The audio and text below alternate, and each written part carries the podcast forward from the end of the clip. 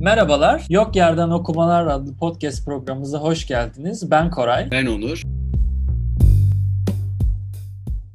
Biz Onur'la birlikte her ay Ütopya, Distopya edebiyatından, bilim kurgu edebiyatından çeşitli eserler okuyoruz. Ee, birlikte sohbet ediyoruz. Buna da yok yerden okumalar adını veriyoruz. Yok yerden haberler getiriyoruz. Başka diyarlara seyahat ediyoruz. Ee, e, bu sefer de başka diyarlardan, uzak diyarlardan, yeni gezegenlerden, eski gezegenlerden havadisler getirdik değil mi Onur? Evet, bu programdaki konumuz Alexander Bogdanov'un Kızıl Yıldız kitabı. Onu okuyup okuyup inceleyeceğiz, üzerine tartışacağız. Yani bugünlerde ıı, Mars tekrardan konuşulan bir konu aslında. Yani ıı, Bogdanov'un Kızıl Yıldızı 1908 tarihli ama biz hala yıllar geçse de Mars'tan bahsedip duruyoruz. Bu bana ilginç geliyor. Mars neden böyle bir imge? Neden bir her zaman çeşitli e, edebiyat eserlerine, bilim kurgu eserlerine, fantazi imgelerine konu olmuş bir mekan? Aklıma ilk gelen şey yani Mars'ın her zaman dünyanın eski halini andırmasıyla ilgili teoriler ve hep dünyanın bir ayna imgesi. Tamam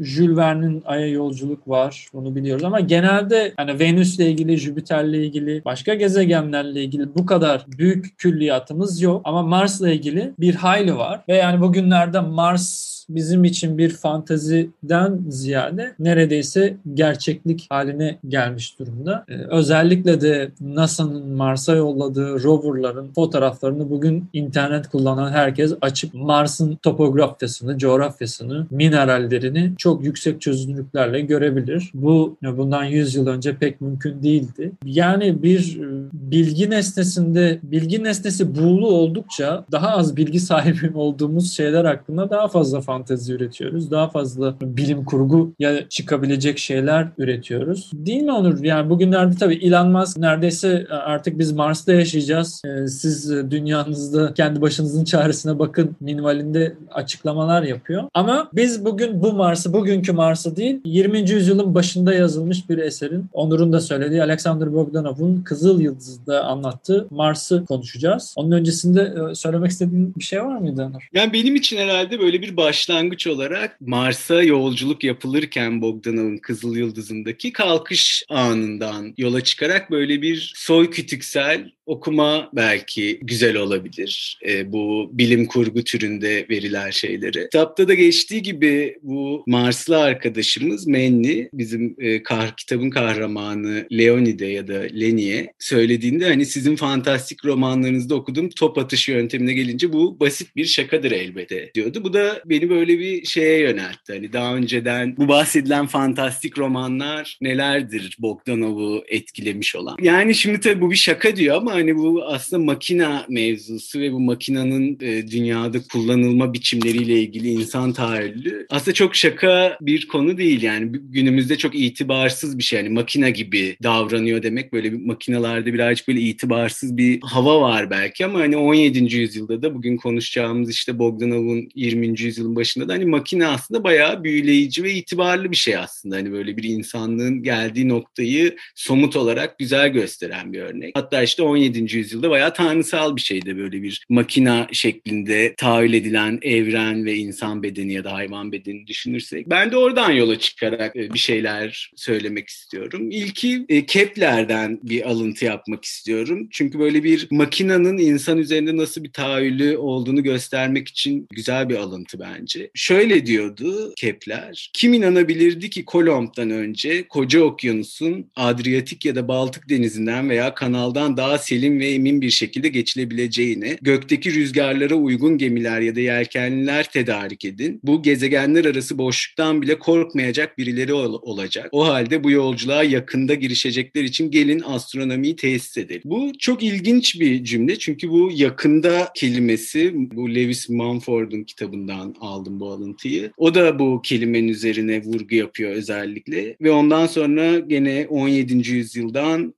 şöyle bir John Wilkins Dickins'in e, Bir Yeni Dünya Üzerine Nutuk kitabından bir alıntı vermiş. Uçma sanatı bulunur bulunmaz bazı uluslar başka bir dünyaya nakledilecek ilk kolonilerden birine sahip olacaklar diyor John Wilkins de e, Manford'un iddiasına alıntılamasına göre. Yani bu çok ilginç bir düşünce biçimi.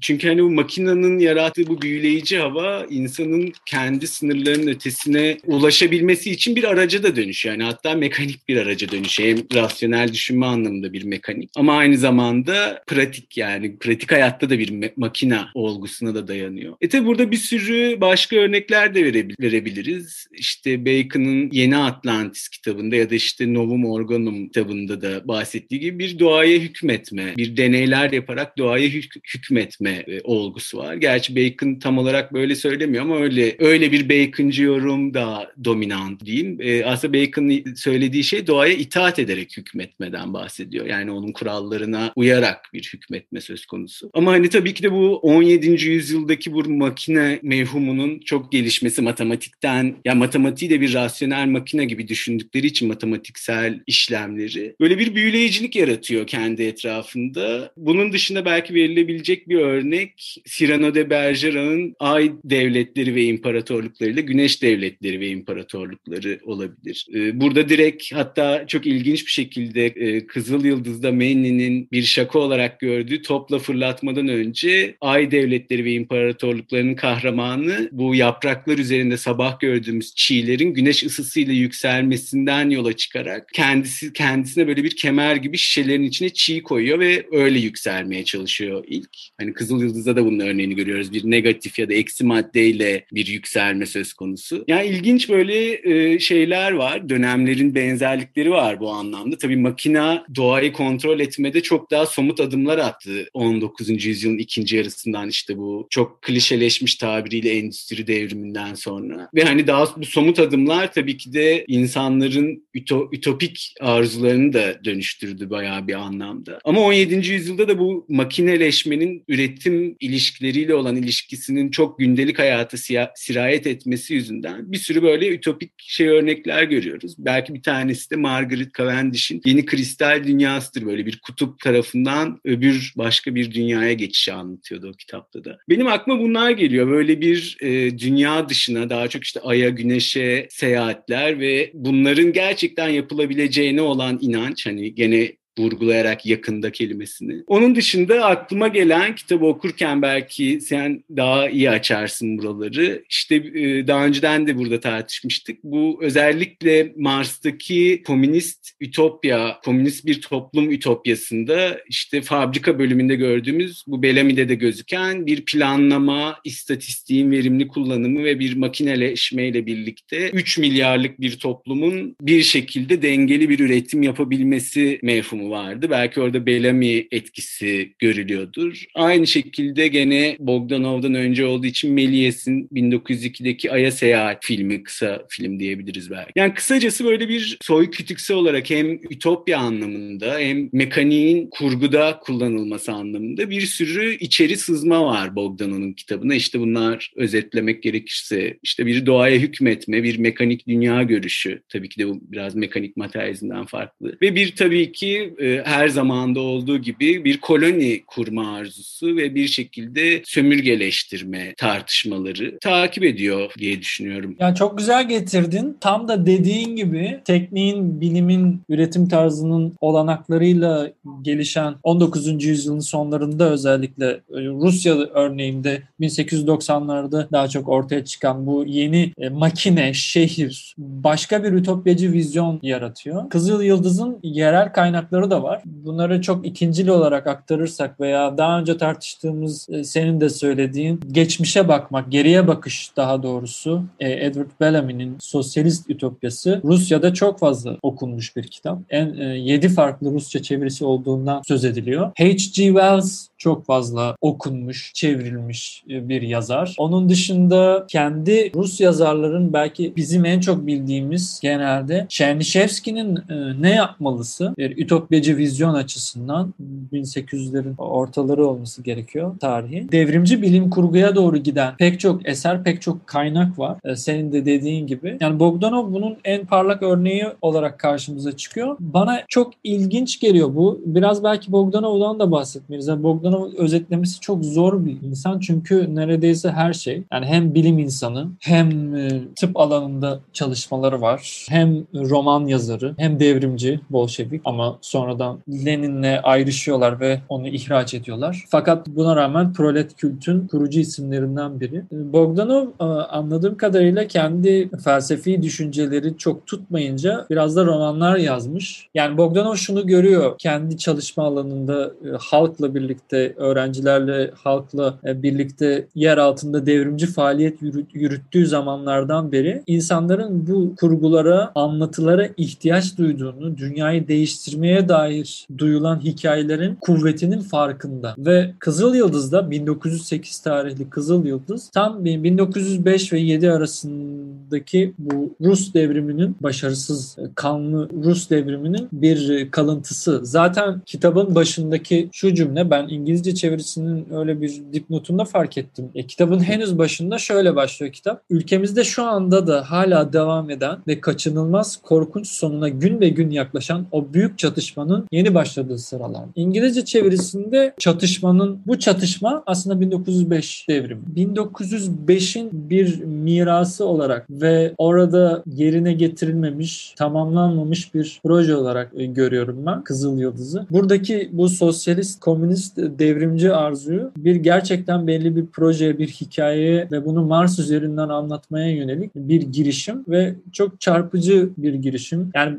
çünkü Rus bilim kurgusunda yani okuduklarım arasında bir Bogdanov var. Ondan sonra 30-40 yıl bir şey yok. Yani Efremov Andromeda nebulasıyla tekrardan canlanıyor. Yani arada bir kocaman bir kara delik var Stalin dönemi. Bogdanov o yüzden çok çok önemli. Bugün hala önemli. Yeniden dönüşler var kendisine. Örneğin e, son zamanlarda Türkçe'ye çevrilen Mackenzie Wark'ın Kız, Moleküler Kızıl adlı kitabı e, antroposen teorisini anlatıyor ve Bogdanov'un e, teknoloji, felsefi görüşleri ve antroposenle ilgili bugün bizim kavrayışımıza ne gibi katkıları olduğunu, neleri öngördüğünü biz de bu programda biraz konuşacağız. Neleri öngördüğüne dair bir makaleyle açılıyor kitap. O yüzden yani hem Bogdanov burada Bogdanov'un özetlenemezliği ama bir yandan da çok büyük bir kişilik olduğunu tekrardan belirtelim. Evet yani zor bir daha doğrusu renkli bir karakter belli ki. Yani kitabı okurken de yani bir sürü anda hani bunu eleştiriyor mu yoksa bunu savunuyor mu soru işaretlerinde kalacak bir metin örgüsü de vardı. Yani ya da ben o tereddütlere düştüm. Ya yani ilginç gelen yanlarından biri anladığım kadarıyla Lenin'le de bu arasının açılmasına sebep olan bir ve daha materyalist değil de bir idealist hatta Kant'tan etkilendiğini iddia ettikleri bir e, mefhum var. Belki sonrasında açarız mefhumu da. Bu empiriomonizm deniyor özetle hani benim anladığım şöyle bir şey. Yani böyle Spinoza'da gördüğümüz daha böyle bir sonsuz tüzün tekilliğini bir topluma uyarlamaya çalışıyor. Hani tabii ki de tutup Bogdanov bir sosyologtu demeye götürmek yanlış olabilir belki. Ama yani toplum üzerine çok ilginç görüşleri olan biri bence. Bu konuda da böyle bir birey ve bütün arasında bilimin ve yaşantının ve işte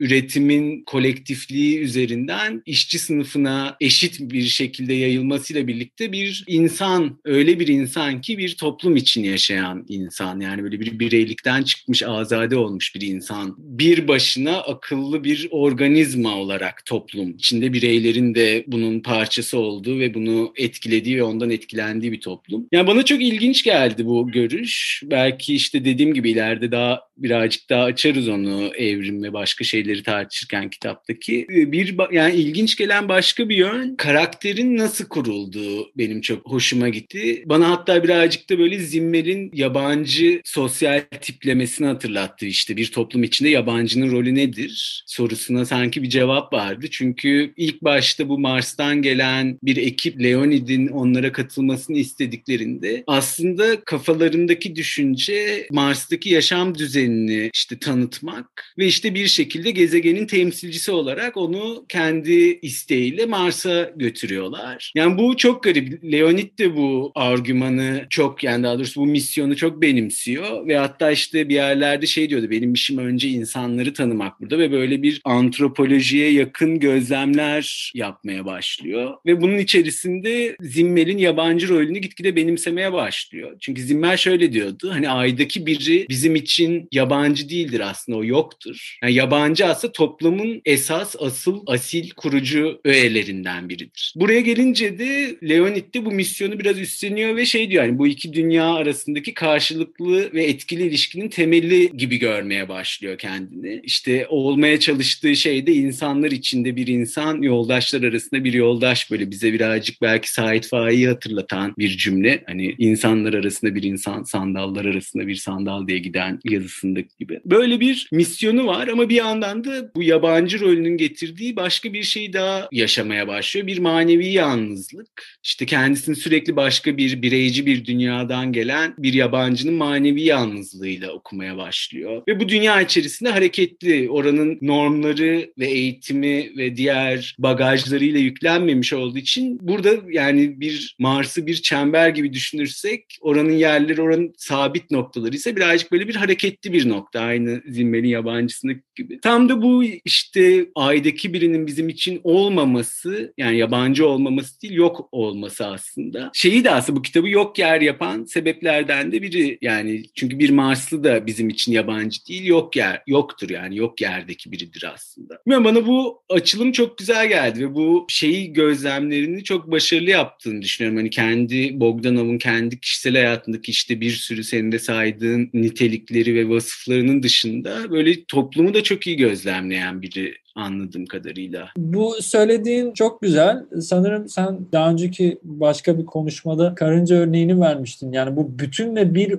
arasındaki ilişki Mars'ta ileri bir medeniyet var. Komünist bir e, medeniyet var. Burada biz gözlemci rolündeyiz. Leonid Lenny karakteriyle birlikte. Ve orada Lenny hep o bütünün parçası olamadığını, hep bireyci, senin dediğin gibi yabancı olduğunu gözlemliyor. Bir türlü ait olamıyor. Ve orada benim e, dikkatimi çeken eğitimle ilgili e, söylenen şeylerdi. Bir kitap alıyor yanlış hatırlamıyorsam. Çocuklar için yazılmış bir kitap. Lenny'e yani bizim dünyalı kahramanımıza çok zor geliyor. Ve işte bir soru soruyordu bu kitap çocuklar için zor değil mi gibisinden. Aldığı cevap da çok teorik galiba. Çok soyut değil mi? Çocuklarınıza niye böyle şeyler öğretiyorsunuz gibi bir şey soruyordu yanılmıyorsam. Aldığı cevap şöyle bir şeydi. Bizim çocuklarımız bu kitabı görmeden önce zaten doğayla, biyolojiyle, bütün bu yaşamın tüm unsurlarıyla ve bilimleriyle deneyler yapar, öğrenir. Zaten bu kitap onun eline geldiğinde zaten onun pratik bilgisine sahiptir. O yüzden bu kitap ona asla zor gelmez. Ve devamında şöyle bir cümle vardı. Hiç unutamadığım. Bütünlük bütünlüklü insanı daha çocukken yaratmak gerekir. Yani burada e, güzel bir eleştiri de var yani kendi dünyamızla ilgili uzmanlaşma eleştirisini görebiliriz burada. Ve yani bizim hiçbir zaman e, bütünlüklü bir bilinçle yetişmediğimizi görüyoruz. Bunu daha önceki programlarda da konuşmuştuk. Yani tarih anlayışı, bütünlüklü büyük çevrimsel tarihler veya uzun long düre, uzun erimli 100 yıl, 150 yıllık, 50 yıllık dönüşümlerin tarihinden bahsettiğimizde biraz kuş bakışı baktığımızda baktığınızda dünyaya, daha uzaktan baktığınızda. Bunu sanırım Bele Rur'da Rossum'un evrensel robotlarında e, sen anlatmıştın Onur. Uzun 20. yüzyıldan örnek verirken. Burada da benzer bir şey bu bütünlüklü insanı çocukken yaratmak gerekir derken ben bunu hatırladım. Bir de fabrikada bölümü evet Bellamy var. Yani Taylorist sistem orada da var. Rus devrimcileri Lenin vesaire e, hepsi e, aslında Taylor'dan çok etkilenmiş, e, büyülenmiş insanlar. Elektrik, tren yolları yani modernleş, modernitenin en büyük unsurları bunlar. Burada da görüyoruz elektrik ve fabrika, o büyük düzen. Hatta sibernetiğin atası da denir bu kitap için. Ön bilgisayarı da gördüğü söylenir denir. Çünkü bilgisayar hesaplarını önceleyen sahneler var burada fabrikada bölümünde. Yani her şey istatistik kurumu gibi bir yerde hesaplanıyor. Yani arz talep dengesi bu şekilde sağlanıyor.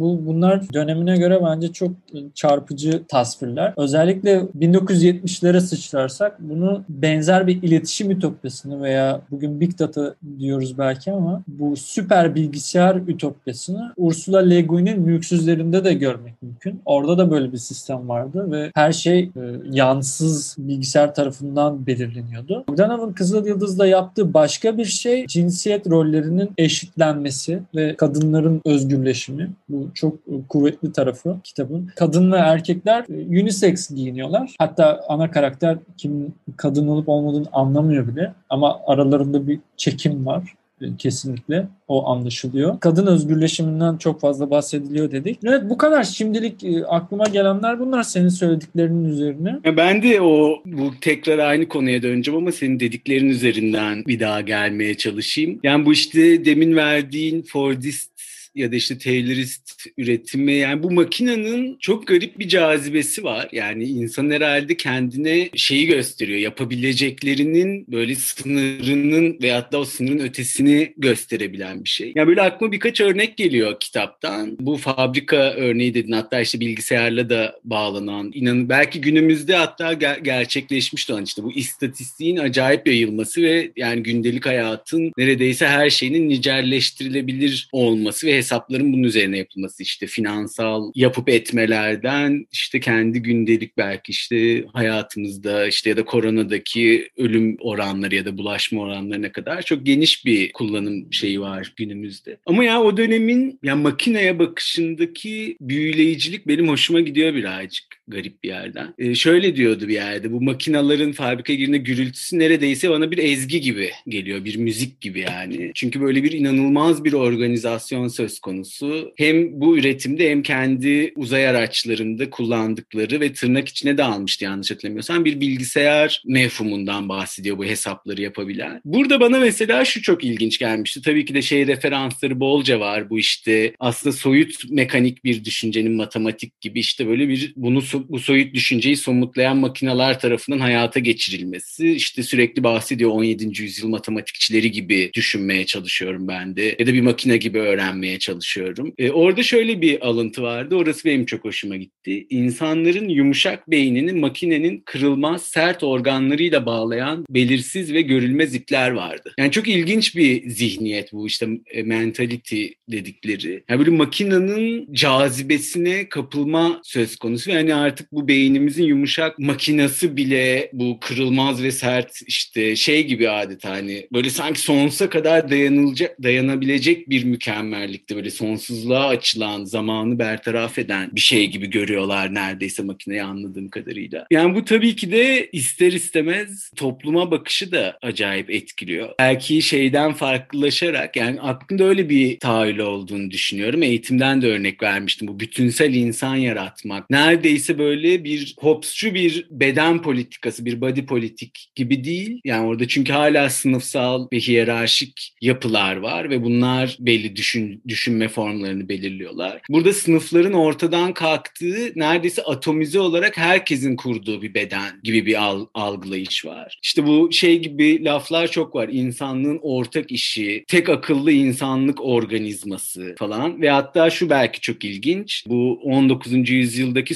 sosyologlarda da biyologlarda da çok olan bir düşünce. Bir bireyin varlıksal olarak gelişimi yani işte doğması yani daha doğrusu işte rahme düşmesi ve doğmasındaki süreci bir türün gelişiminin özeti gibi görmek. işte buna ontogenezle filogenez benzerliği belki diyebiliriz. Aynısını alıp topluma uyguluyor ve şöyle bir sonuca varıyor. Ee, yani bireyin gelişimiyle de toplumun gelişimi arasında da böyle bir ilişki vardır. Bir bedenle tür nasıl bir ilişki içindeyse birey, bireyle toplumda böyle bir ilişki içerisindedir. Yani böyle bir sınıfsal, hiyerarşik ya da belli ideolojik formlara sahip olmayan yani daha sınıflar arasında ideolojik farkların olmadığı bir toplumda böyle bir her birimizi, herkesi içine alan bir bütün içerisinde yaşıyoruz ve bu bütün de her birimizin içinde yaşıyor tekrar. Çok çok garip işte herhalde bu empiriomonizm kavramı birazcık bu yüzden daha böyle diyalektik materyalist diyebileceğimiz Rusya'daki kişilerden idealist damgası yiyor anladığım kadarıyla. Ama çok yani böyle herhalde bir bilim insanı olmasının da getirdiği yani o bilimden, makineden ya doğrusu bilimin teorik kısmından ve makinenin bunu somutlayabilme gücünden etkilenerek bunu böyle bir topluma projekte etmiş yani yansıtmış. Ee, bilmiyorum bana çok ilginç geldi açıkçası yani bu öyle bir makine ki sadece gerçekten endüstriyel üretimi ya da işte meta üretimini etkilemiyor. Aynı zamanda bir toplumun nasıl olması gerektiğini, doğaya nasıl bakmamız gerektiğini ve hatta işte bir evrim sürecinin nasıl işlediğine dair böyle birazcık geriye doğru kurarak bu yapıları. Yani bir harbiden bu Fransız anal ekolünün dediği bir sanki bir mentality, mentalite yani bir zihniyet yani böyle ideolojilerin de altında yatan genel kabullerin işlevine kadar gidebilen bir makina, mekanik dünya görüşü diyeyim hakim sanki. Bilmiyorum etkileyici tabii ki de çokça eleştirilmesi gereken bir konu. Özellikle doğayla olan ilişkideki bunun bir bitmek tükenmez bir savaş gibi gözükmesi mevhumunda. Çünkü bir insan doğa kopuşu oluyor. Çünkü artık insan doğayla bütünleşmesi gereken bir şey değil. İnsan kendi yarattığı mükemmel insan toplumuyla bütünleşmesi gereken biri. Çünkü biz doğadan ayrı böyle bir bilmiyorum belki burada sen de bir şeyler eklemek istersin. Söylediğin gibi bütün ve bir arasındaki ilişki yani sanat anlayışlarının da böyle olduğunu görüyoruz. Yani neredeyse her şey bunun çevresinde örgütlenmiş. En çok ilgisini çeken bizim karakterimizin yani tragedyalarınızın konusu nedir diyor bir yerde. Barış içinde mutlu yaşarken tragedya malzemesi nasıl buluyorsunuz diyor. Ee, o da diyor ki yani mutlu mu barış içinde mi? Nereden çıkartıyorsunuz bunları? Tamam yani insanlarımızın arasında bar barış hüküm sürüyor. Bu doğru ama doğadaki düzensizlikle aramızda barış yok ve olamaz da. Yani bu tam da dediğin bir ütopyada yaşıyor olmanız savaşın bittiği anlamına gelmiyor. Buradaki savaş doğayla olan savaş. Tragedide bütünün tragedisi yine bütünü olan vurgu var. Romanın biraz başlarında biraz geriye dönersem yine buraya geleceğim. Yani şiddet sahneleri var ama bu şiddetin hiçbir şekilde yapısal e, sebeplerden değil genelde e, ya kendisini korumak için bu Mars toplumu şiddete başvuruyor. Hayatta kalmak için. Ya da bu öyle ifade etmiyor ama nörolojik veya psikolojik bir sorun. Şiddet vakaları bu şekilde ele alınıyor. Ya çünkü bu toplumun şiddet üretmemesi lazım. Madem barış içinde mutlu. Oluyorsa bu iki sebepten oluyor. Ya gerçekten hastalık ya da şiddete gerçekten ihtiyaç var. Organizmanın kendisini yaşar kılması için. Şiddetten savaşa ilerlersek savaş doğayla olan savaş. Burada Mars'ın tarihiyle ilgili ilginç şeyler var. Mars'ın doğasını kurtarmak için pek çok ormanları feda etmek zorunda kalıyorlar ama bu ormanların yok edilmesinin e, bedeli daha büyük oluyor ve bir iklim değişimi oluyor. Orada Mackenzie Wark'ın söylediği şöyle bir nokta vardı. Bogdanov insanların iklimi değiştirebileceğine dair bir öngörüye sezgisel olarak sahip. Yani bu gerçekten ilginç. Aynısını bundan 1908 1992'ye gelirseniz Kim Stanley Robinson'ın yine Mars'ta geçen üçlemesi, Mars üçlemesi, Kızıl Mars, Yeşil Mars, Mavi Mars. Kızıl Mars'ta da büyük tartışma bu ve daha önceki programda da belki bahsetmiştim. Mars'ın iklimini insanlar değiştirebilir. Orada tabii çok büyük teknolojik gelişmelerle yapılıyor. Burada da aslında benzer. Buradaki belki diyalektik geri besleme diyelim. Hani ormanları bir şey kurtarmak için, Mars'ı kurtarmak için ormanları yakıyorlar ama onun bedeli çok daha fazla oluyor. Evet kurtarıyorsunuz bir şey ama daha fenası gerçekleşiyor. Evet Ütopya gerçekleşiyor, mutluluk var. E, burada aklıma hep şey geliyor yani e, Ütopya ve devrim ve trajedi diyalektiği Raymond Williams böyle bir şey yazmıştı. Burada da Ütopya'nın trajedisini görüyorsunuz. Yani barış, mutluluk var ama nüfus artıyor. Bunun sonuçları neler peki? Nüfus artıyor, kaynaklar azalıyor, başka yere gitmek zorundayız. Zaten e, herhalde birazdan onu konuşuruz belki. E, romanın en heyecan verici ve şaşırtıcı sahnelerinden biri Mars toplumunun aslında bizim ana karakterimizin niye aldıklarına dair bir sorgulama. Şunu öğreniyoruz ki aslında üç farklı kamp. Bu kamplarda aslında dünyadaki muadillerini bulmak da mümkün. E, biraz sömürgeci mentalite taşıyor kimileri. Birileri diyor ki dünyayı yok edelim, insanları yok etmemiz gerekir oraya taşınacaksak. Çünkü insan insanlık bizi istemeyecektir. Onların aralarında barınamayacağız. Kimileri diyor ki or orada bir sosyalizm mümkün ama bu bizim sosyalizmimiz olmaz. Farklı bir sosyalizm olur. Bazıları diyor ki çok büyük bedeller ödesek bile Venüs'e gitmeliyiz. Ama bu tabii ki bizim için felaket vari sonuçlar demek. Ee, ama yine de bunu seçebiliriz. İnsanları öldürmemeliyiz vesaire vesaire. Bizim ana karakter bu konuşmaların hepsini öğreniyor bir şekilde ve büyük bir psikolojik travma artık psikolojik bir şeye yaşıyor. Hayaletler bölümünde. Karakterimizin bireyciliği bu depresyon anlarında ortaya çıkıyor. Daha önce de konuşmuştuk ya Ütopya hep makineyi anlatır, distopya bireyi anlatır. Orada bireyin distopik bir karanlığa düştüğünü hemen görüyoruz. Çok çarpıcı bir şekilde sorgulamalarını görüyoruz. Yani sömürgecilik ve bu koloni kurma daha doğrusu yeni dünyalar dediğimiz hani aslında yeni olmayan yeni dünyalar. Yani hep anladığım kadarıyla bu ütopya literatürüyle kaçınılmaz olarak göbekten bağlı birbirine. Burada gerçi birazcık ters bir örneğini belki görüyoruz. Hani dünyadan giden biri sömürgecilik mağduru olmak üzere olan bir yerden geliyor diyeyim. Yani çok ilginç. Böyle çok kolomb yani bir iki tane kolomb referansı da vardı. Hatta kendini bir yerde bizim dünyalı Leni şey diye tanımlıyordu. Ben zoraki bir kolombum gibi bir cümlesi vardı. Çok çok ilginç tartışmalar o senin de demin bahsettiğin sondaki tartışmalar bana böyle bir şeyi hatırlattı. Bu 16. yüzyılda Latin Amerika'da işte bu sömürge faaliyetlerini sürdürürken İspanya e, bu yerleri ne yapacağız? Bu yerlerin bir ruhu var mı? Yani ruhu varsa çünkü Tanrı'nın bahşettiği işte onları aslında Hristiyanlaştırmamız lazım öldürmektense diye. Yani böyle bir soykırım ya da bir kozmoloji değiştirme oradaki insanların bütün dünya ve evren algısını dönüştürme arasında bir tartışma yürütülüyor. Bu hep böyle şey gibi sunulmuş. Hani bir taraf işte gaddar ve zalim işte soykırım istiyor ruhu yok diyor ama öbür taraf daha işte insancıl, insani gibi gözüküyor aslında. Aslında öyle bir şey yok. İkisi de sömürgedeki sağlanacak emek ya da orada kurulacak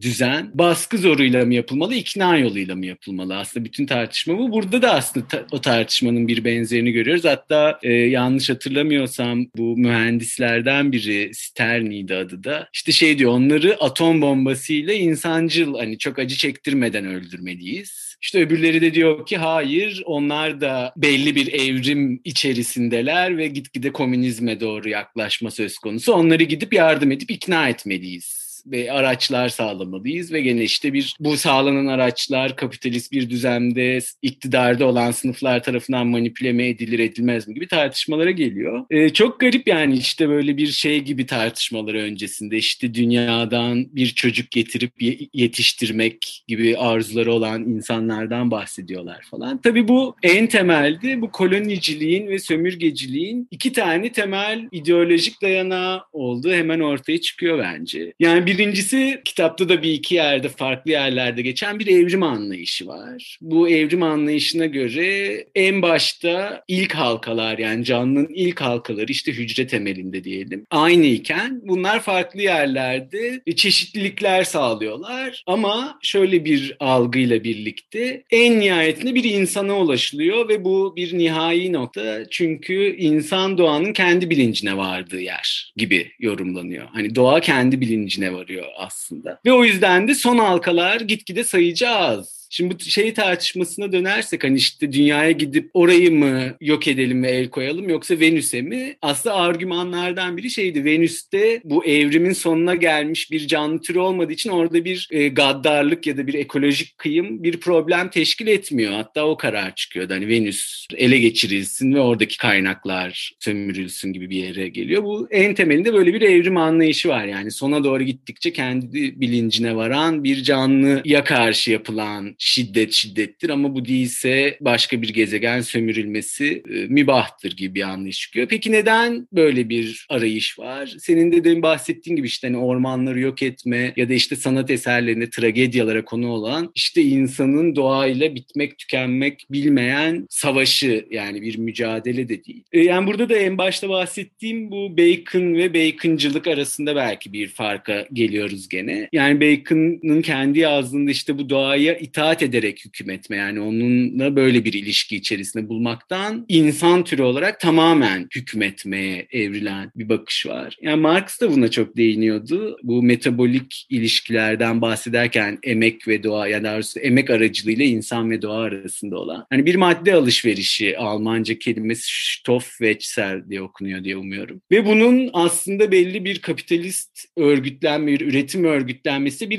yarılma oluştuğunu ve artık belli noktalarda noktalarda çok fazla birikim ve bu birikimin getirdiği başka noktalarda da belli ekolojik yani doğal yıkımlar oldu. Bunu böyle bir tarım üzerinden de örnekliyordu Marx. Yani aslında bunun böyle bir devamını görüyoruz aslında. Burada bahsedilen e, tartışma bir metabolik yarılma tartışması ama nedense bu komünist şekilde toplumsal örgütlenmesini gerçekleştirmiş olan Mars hala kendi kaynaklarını ya tüketme ya da yeni kaynaklar bulmak için bu özellikle ikinci kitapta mühendis menüde geçen işte çölleri, kanalları açıp çölleri sulak alanlara çevirmek gibi hani doğaya bugün de gördüğümüz çok büyük müdahaleler gerektiren örgütlenmelere, planlamalara girmek gibi adımlar atıyorlar. Aslında böyle genel bir herhalde kitabın genel tartışması en sonda gördüğümüz buraya doğru geliyor. E, tabii bu e, yabancılaşma mevzusuna da bence birazcık dokunuyor. Hani Marx'ın bahsettiği anlamda. Tabii anladığım kadarıyla Bogdanov bunu birazcık farklı bir yerden çözmüş. Hani böyle bir özet geçmek gerekirse hani işte insan emeğini kullanarak derse emeğini satarak yaptığı üretimde bir işte hem kendi emeğine bu çıkan ürüne aynı zamanda onunla birlikte görmediği diğer emekçilere ve en nihayetinde kendi türüne bir yabancılaşma vardı. Yani aslında böyle bir tırnak içinde doğal bir yabancılaşma. Kendi insan olmanın getirdiği şeyden yabancılaşma. Bogdanov bunu e, şey gibi çözüyor. O çok ilginç. İnsanın aslında türüne olan yabancılaşmasını bu işte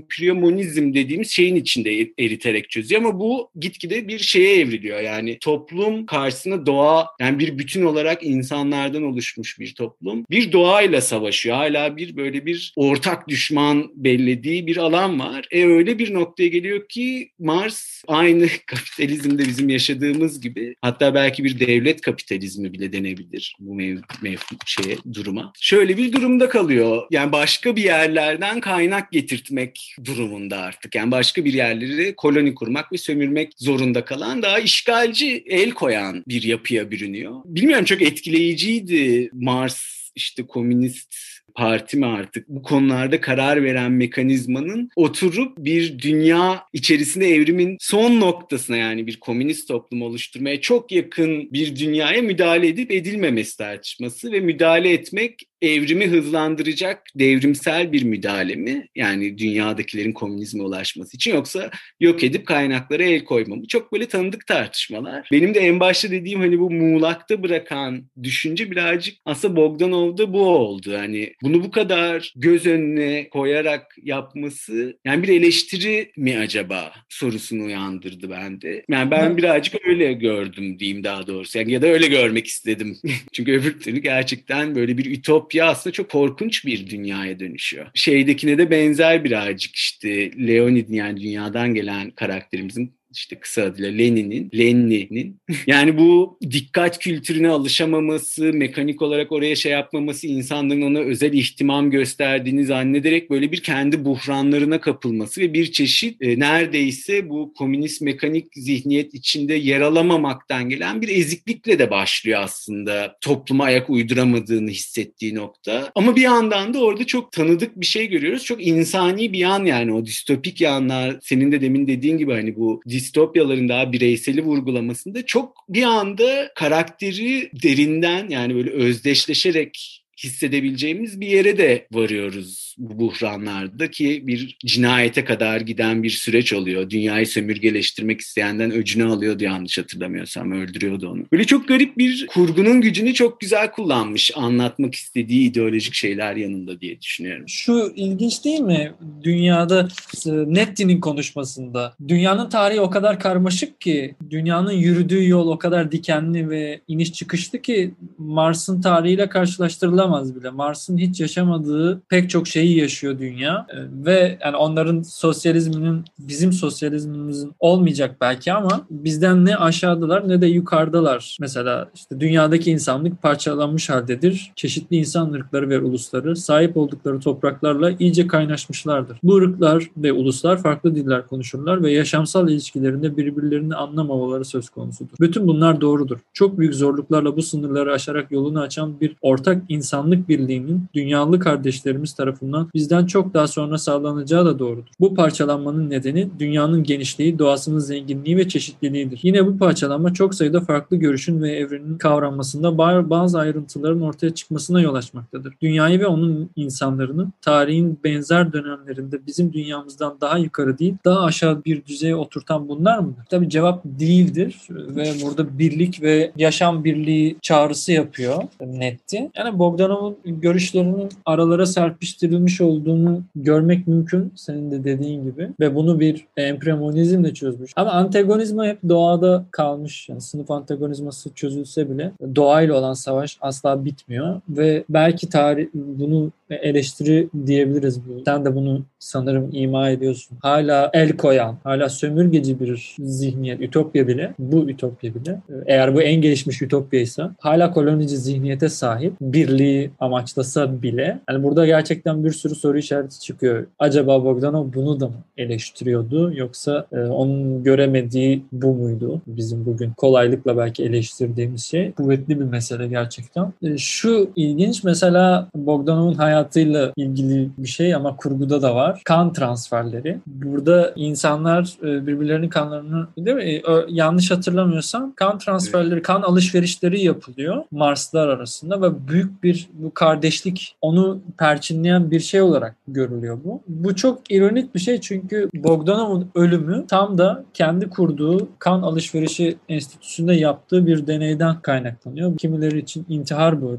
bu ölüm. Bir öğrencisinden tüberkülozlu ve sıtmalı bir öğrencisinin kanını e, kan alışverişi yapıyorlar ve Bogdanov bu deney sonucunda ölüyor. Dediğim gibi kimileri için bu intihar çünkü bir gün önce Stalin bir açıklama yap, bir şey yapmış. E, Stalin'in açıklamasına bir gün sonra bu yapılıyor. Yani yaşadığı gibi ya, yazdı, kurguladığı gibi yaşadığını da e, söylemek mümkün. Ben çok çok etkilenmiştim yani bu anekdottan. Katılıyorum. Şeyi de çok ilginç. Yani intihar gibi olması o anın mümkün tabii. Ama ondan önce de başarılı deneyleri de kendi üzerinde deniyor yanlış bilmiyorsam. Yani böyle bir insanın yani bir sürü hasta ya da başka bir denekler üzerinde denemektense böyle bir kendi üzerinde denemek bence çok ilginç bir bilim insanı tavrı. Cesur diyeyim yani böyle bir antik Yunan erdemi anlamında çok cesurca bir tavır yani bu. Böyle bir teorisi var. Bunu bilimsel olarak ispatlamak istiyor ve kendi üzerinde deniyor. Yani bu da işte o demin senin de bahsettiğin o Netti'nin daha sömürge karşıtı ya da daha doğrusu sömürge karşıtı olmuyor ama işte yol gösteren sömürgeci, öldüren değil de tavrındaki açıklamalar da aslında bunu gösteriyor gibi geldi bana. Yani bence orada böyle bir şeyi kuruyormuş gibi geldi daha doğrusu. Bilmiyorum çok belki aşırı bir yorum ama böyle hissettim bunu okurken. Yani bir Marksist tarih yazımı var evet ve burada hani böyle neredeyse adım adım gidilecek hem evrimsel yani biyolojik hem toplumsal aşamalar var ve belli çatışmalar, işte zorun rolü var bunun içinde vesaire. Ama dünyadaki işlerin daha karmaşık olması Mars'tan bana böyle birazcık şey gibi bir yorum alanı sağladı. Yani Mars'ta evet böyle bir ideal ulaşma şeyi var. Bir tarih yazımı, bir okuması var ama dünya bundan çok karmaşık yani. Evet belki o yol gösteren bir çizelge bizim için Mars'ta olan bir şey, göklerde olan bir şey. Ama bir yandan da dünyanın gerçekten karmaşası var ve bu hani Mars'la dünya dünya bir koloni ilişkisini düşündüğümüzde hani bunu dünyaya uyguladığımızda da evet bazı başka yerlerde işte sosyalizme ve komünizme geçiş olabilir ama her yerde çok başka karmaşık e, gruplanmalar, toplum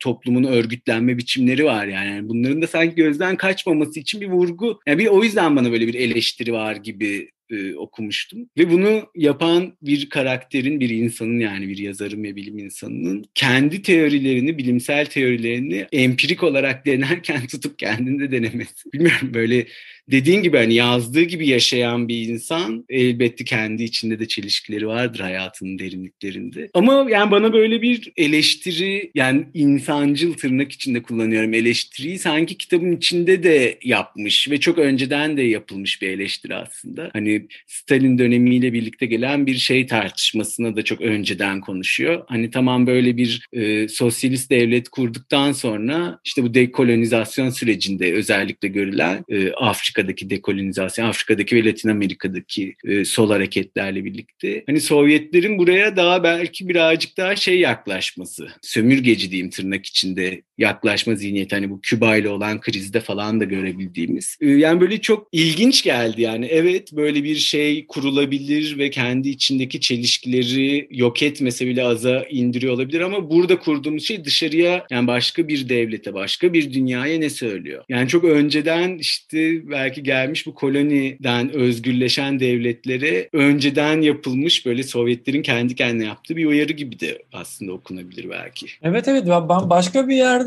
ya bu bu yorumuna çok katılıyorum. Hatta böyle görmek istiyorum. Sen aşırı yorum ben de belki bu aşırı yoruma katılıyorum diyeyim eğer aşırı yorumsa bu. Bir yerde şu an nerede okuduğumu hatırlamıyorum ama bir sosyalist devrim olsa bile çevrelenecek, kapitalistler tarafından çevrelenecek ve o nasıl yaşayacak tartışması var. Yani belki Mars ve dünya arasındaki ilişkiyi de böyle görebiliriz. Çünkü tartışmaların birinde Marslardan biri biz dünyaya gittik, insanlar bizi kabul edecek mi tartışması var ya. Hani asla bizi kabul etmeyecekler, bambaşka diller konuşuyorlar. Bizi ara aralarında istemi istemeyecekler. Zaten milliyetçilik diye bir şey var falan filan. Hani Hı. sanki pek çok şeyi böyle belli açılardan öngörmüş kehanetvari bir eser ve kehanetvari bir kişi e, olduğunu düşünüyorum. Yani bu seninle konuştukça daha da senin söylediklerine birlikte daha da buna inanmaya başladım. Ne yapalım? Bitirelim mi yavaş yavaş? E bitirelim. E, ne diyorsun o zaman? Son sözler olarak. Yani ben şu vurguyu o zaman son bir kere daha yapayım. E, yani işte Thomas More'un Ütopyası'nda gördüğümüz gibi karakterimizin gerçekten sömürgede olan bir yere gidip gözlemlemesi değil, bizzat sömürge olmak üzere olan bir yerden olması bence güzel bir tersine çevirme diyeyim son söz olarak.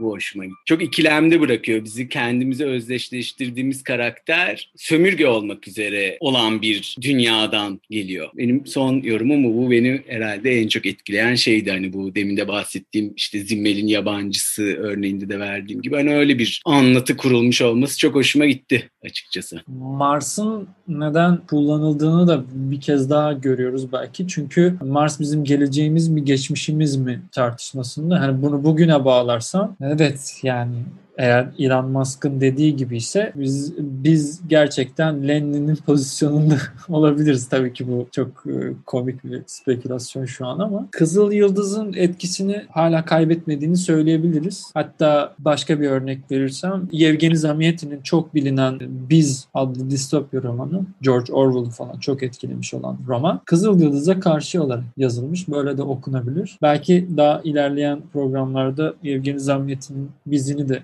konuşuruz. E, Bogdanov yaşadığı gibi yazdı, yazdığı gibi de yaşadı diyorum ben. Ve e, hepinize hoşça kalın diyorum. Bizi dinlediğiniz için çok teşekkürler. Çok teşekkür ederim Onur. Ben de teşekkür ederim. Görüşmek üzere bir sonraki programda.